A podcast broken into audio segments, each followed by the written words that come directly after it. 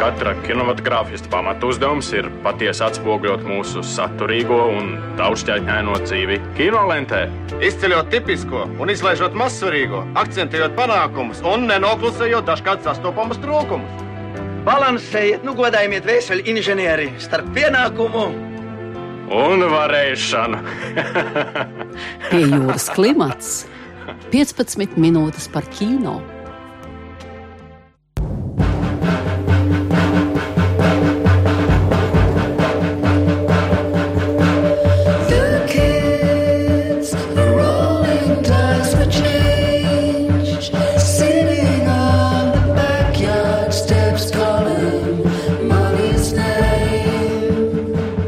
Labdien, mīļie radioklausītāji!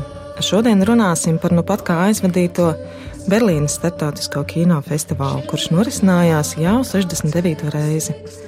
Berlīnālē šis gads ir kā robeža šķirtne, jo direktora amatā jau 18 gadus esošo Dīteru Kosliku drīzumā nomainīs spējīgu un talantīgu profesionāļu duets bijušais Lokarno radošais direktors Karlo Šatriāns, kura pārziņā būs festivāla programma, kā arī Marieta Risenbeka, German filmas direktore, kas rūpēsies par festivāla menedžmentu.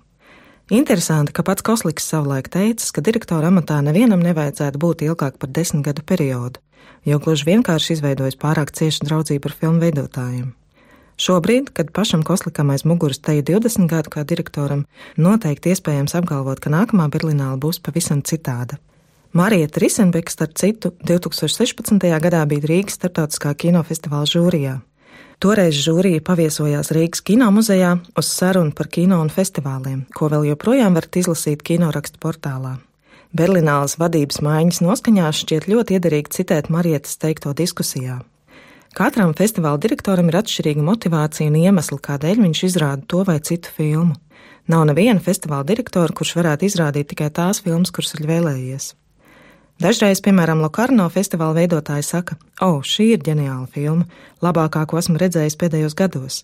Bet tad kādi citi festivāla pārstāvi, patiesi atzīti festivāla programmu veidotāji, kuri strādā A-klases festivālos, par šo pašu filmu saka, tas ir īsts mēsls. Un tā ir noticis vairāk kārt, tādēļ tas vienmēr ir zināmā mērā saistīts ar tevi pašu, ar to, kam tu tici. Tādēļ esi un tava programma būs.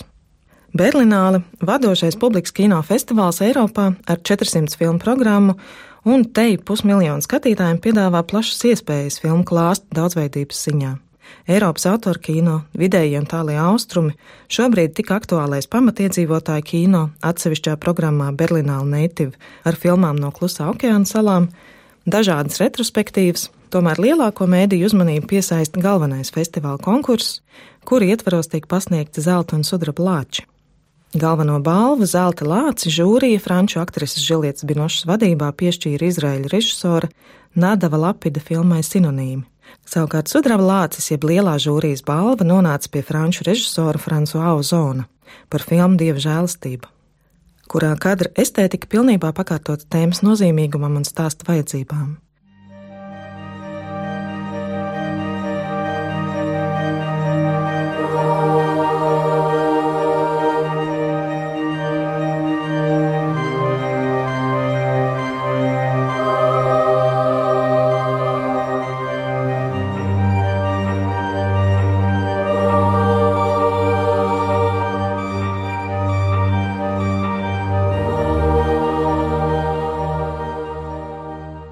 Filmas sižeta pamatā ir patiesi notikumi.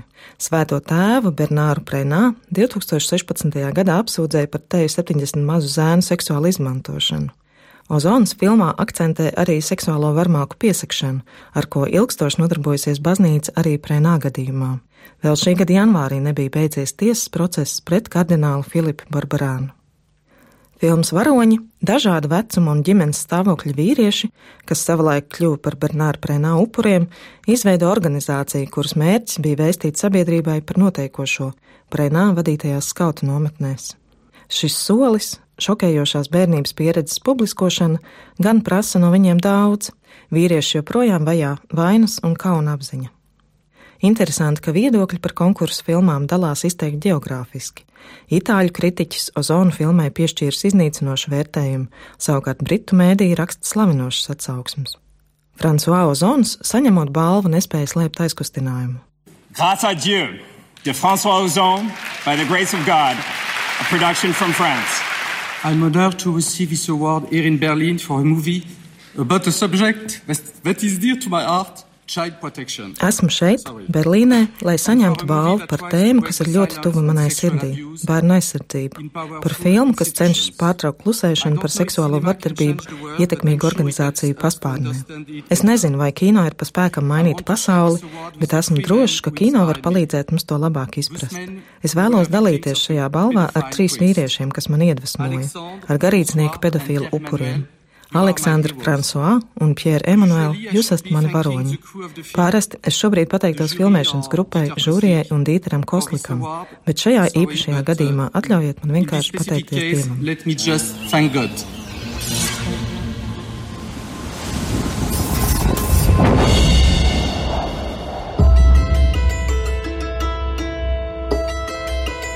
Nu är jag plötsligt säker. Lars Pēkšņi Lars. man viss kļūst skaidrs. Larš ir Larš, lai gan viņam bija tikai desmit gadi, kad pēdējo reizi tikāmies. Esmu drošs, ka viņš man neatpazina. Es zinu, kas tu esi.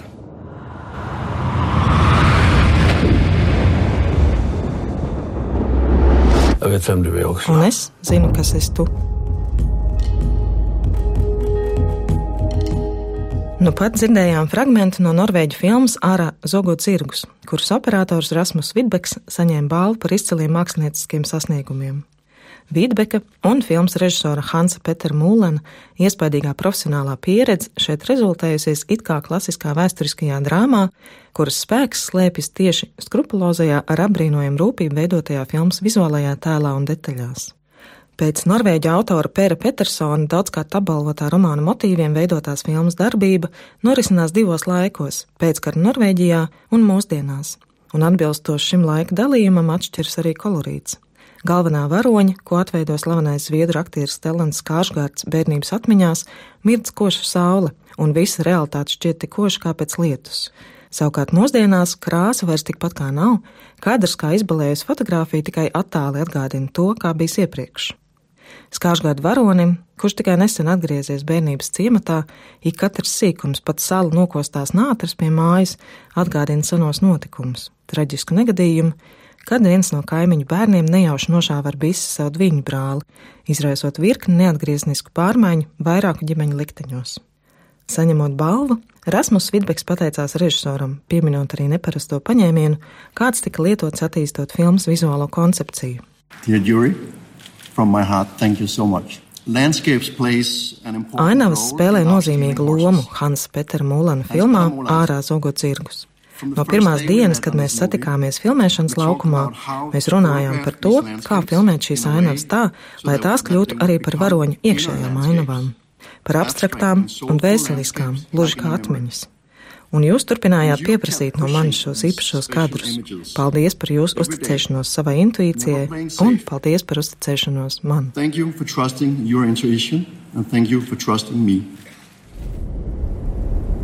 Thank you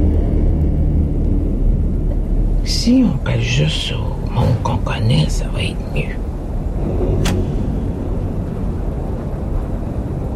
Ceux qu'on connaît, on leur fait confiance. Si on y pense, là, c'est du monde comme nous autres. Et non, ça, c'est pas du monde comme nous autres.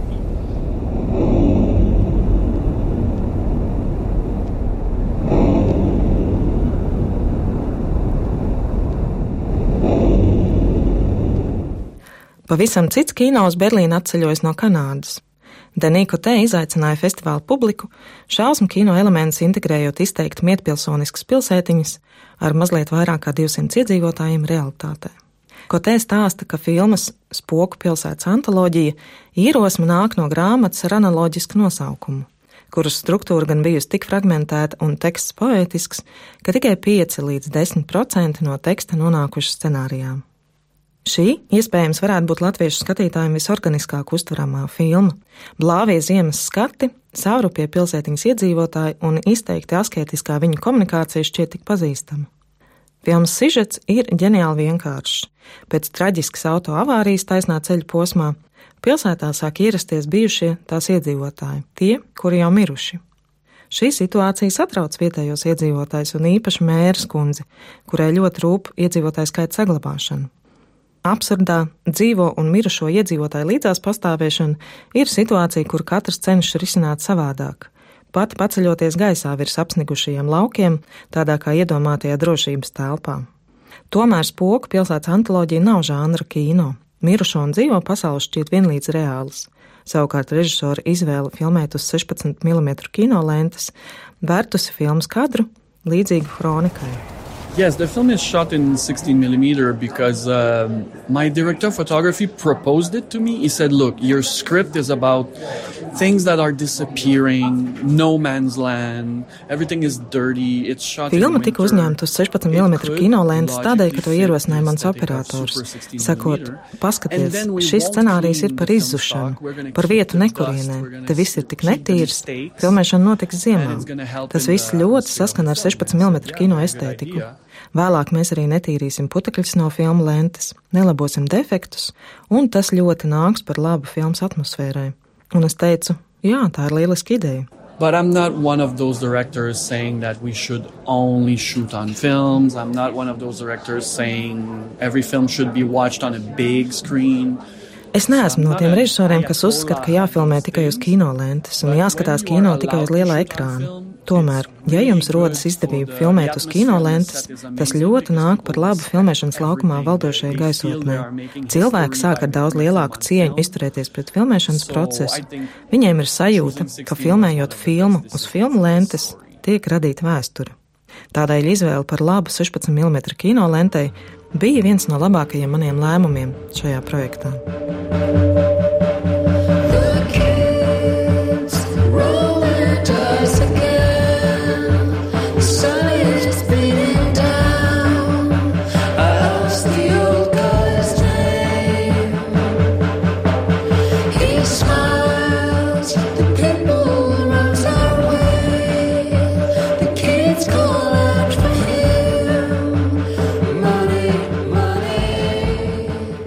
Panorāmas programmas viens no atklājumiem man bija Džonas Hogas suvenīrs, kas jau janvārī izpelnījās skatītāju atzinību Sandens kinofestivālā. Daļēji autobiogrāfiskās filmas centrā ir jauna sieviete, filmas skolas studente Džūlija, kuras dzīvoklī vienmēr mutuļo dzīvība. Te regulāri sanāk viņas draugi, lai smēķētu, iedzertu un skaļi un no sirds apmainītos ar viedokļiem par literatūru, kino, mūziku un gal galā dzīvi. Džūlijas ikdiena ir bezrūpīga. Kad viņai attrūkst naudas tēriņiem, tad palīgos ierodas viņas dāsnā māmiņa, kas ir teju atpazīstamā Tilda Svintona izteikti konservatīvā, bet traki šarmantā veidolā ar lietus lakatiņu sirmajiem matiem rūtēnā kostīmā un košos gumijas zābakos, turklāt ar jaunu naktslāmpu rokās, jo Džūlijas tipiskajā studentu dzīvoklī esot par maz gaismas. Pavisam nejauši un negaidīti Džūlija iepazīstas ar ārkārtīgi elegantu un izsmalcinātu aristokrātu Antoniju. Viņi ir visnesadarīgākais pāris uz pasaules un vienlaikus arī vislaimīgākais, ja nevien Antonijā narkotika atkarība.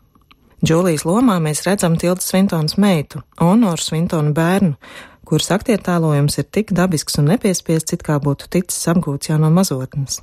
Lai arī gan Honora, gan viņas pasaules slavenā māmiņa intervijās apgalvo, ka aktrises karjeru viņu nevilina, un jau drīzumā Honora gaida neirozinātnes studijas Kembridžā, režisori tikmēr jau plāno suvenīru turpinājumu filmēšanu, kur galvenajā lomā atkal redzēsim Honoru Svintonu bērnu.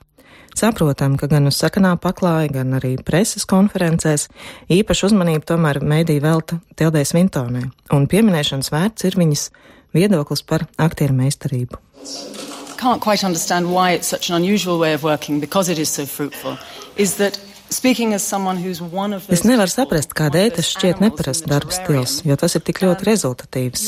Runājot kā vienai no tiem cilvēkiem vai dzīvniekiem, kas atrodas šajā kinoterārijā, mēs esam katrs par sevi, katrs ar savām domām un reakcijām. Mūs nesaista kaut kādi vārdi, uzrakstīti uz lapas, kas kādā konkrētā laikā būtu jāizpilda. Mēs esam pilnīgi brīvi. Un, ja prātā ienāk kāda doma vai darbība, to drīkst pateikt vai izdarīt. Un tas ir patiesi autentisks. Berlīnālas speciālu balvu zelta kameru saņēma leģendārā kino režisora Anjēza Varda, kuras filma Anjēza par vārdu tika izrādīta īpašajā ārpus konkursa seansā. 90-gadīgā režisore filmā atskatās uz savu kino mūžu, sniedzot dažādiem filmētas paņēmieniem, izvērstus un visnotaļ izklaidējošus komentārus, kas iespējams kādam jaunam skatītājam varbūt pavērs durvis uz maģisko Anjēzes pasauli. Nice award, even if I've received some already.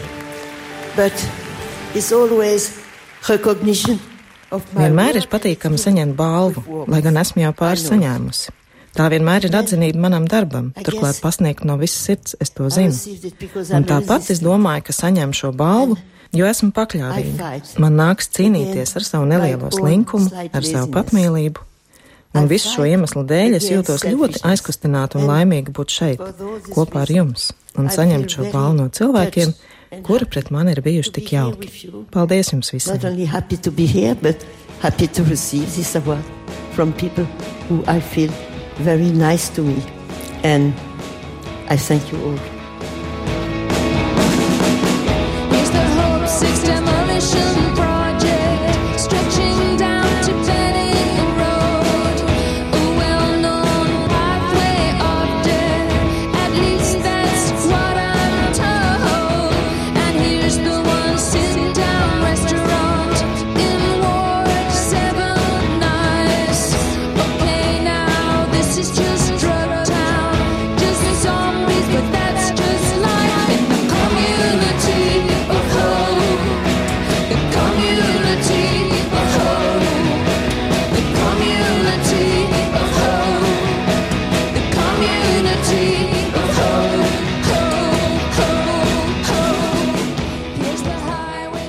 Dog Called Money - Suns vārdā nauda. Tā sauc īru fotogrāfu un režisoru Šīmusa Mērfija dokumentālo filmu, kas būtībā ir viņa un britu mūziķis un dziesmu autors Pidžī Hārvijas kopdarbs. Projekts aizsākās kā viņa kopējs ceļojums uz Kosovu, Afganistānu un Vašingtonu. Šīmus filmēja, Pidžī Hārvija ceļojuma iespējā radīja dziesmu tekstus, cerību komūnu, aizsardzības ministriju un citas, kas vēlāk pārtapa albumā The Hope Six Demolition Project. Filmas ietvaros redzam arī dažus no tēliem, kas minēti dziesmās. Piemēram, atslēgu sāešķis ir veltīts kādai salīkušai sieviņai, kas ikdienas apsteigā savu ciematu Kosovā, lai pārbaudītu, vai pamestajās mājās viss ir kārtībā. Projekta otrā daļa norisinājās jau Londonā, kur pavisam īpašos apstākļos notika šī albuma ieraksts performance. Mūziķi ieraksta laikā atradās stikla istabā, kurai no visām četrām pusēm varēja piekļūt skatītāji. Šī nav tikai ceļojuma dienas grāmata vai koncerta filma. Tas ir audiovizuāls piedzīvojums, kurā kino un mūzikas rašanās brīnums ir cieši blakus, nepārtrauktā miedarbībā. Lai gan tālu no klasiskas mūzikas dokumentālās filmas, Suns vārdā nauda iespējams ir visintīmākais mūziķis portrets, kādu varam vēlēties. Uz atvadām šodien vēl neliels fragments no dziesmas, kas tapusi projekta they return.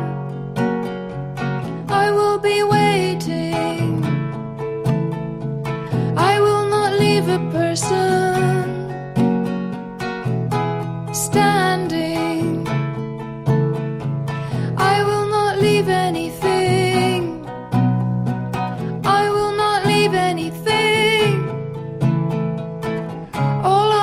decide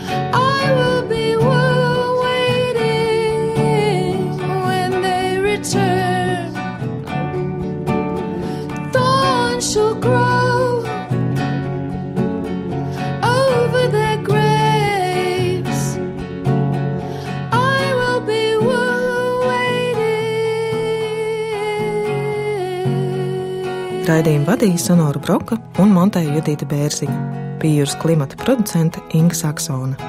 Raidījums tapis ar valsts kultūra kapitāla fonda atbalstu.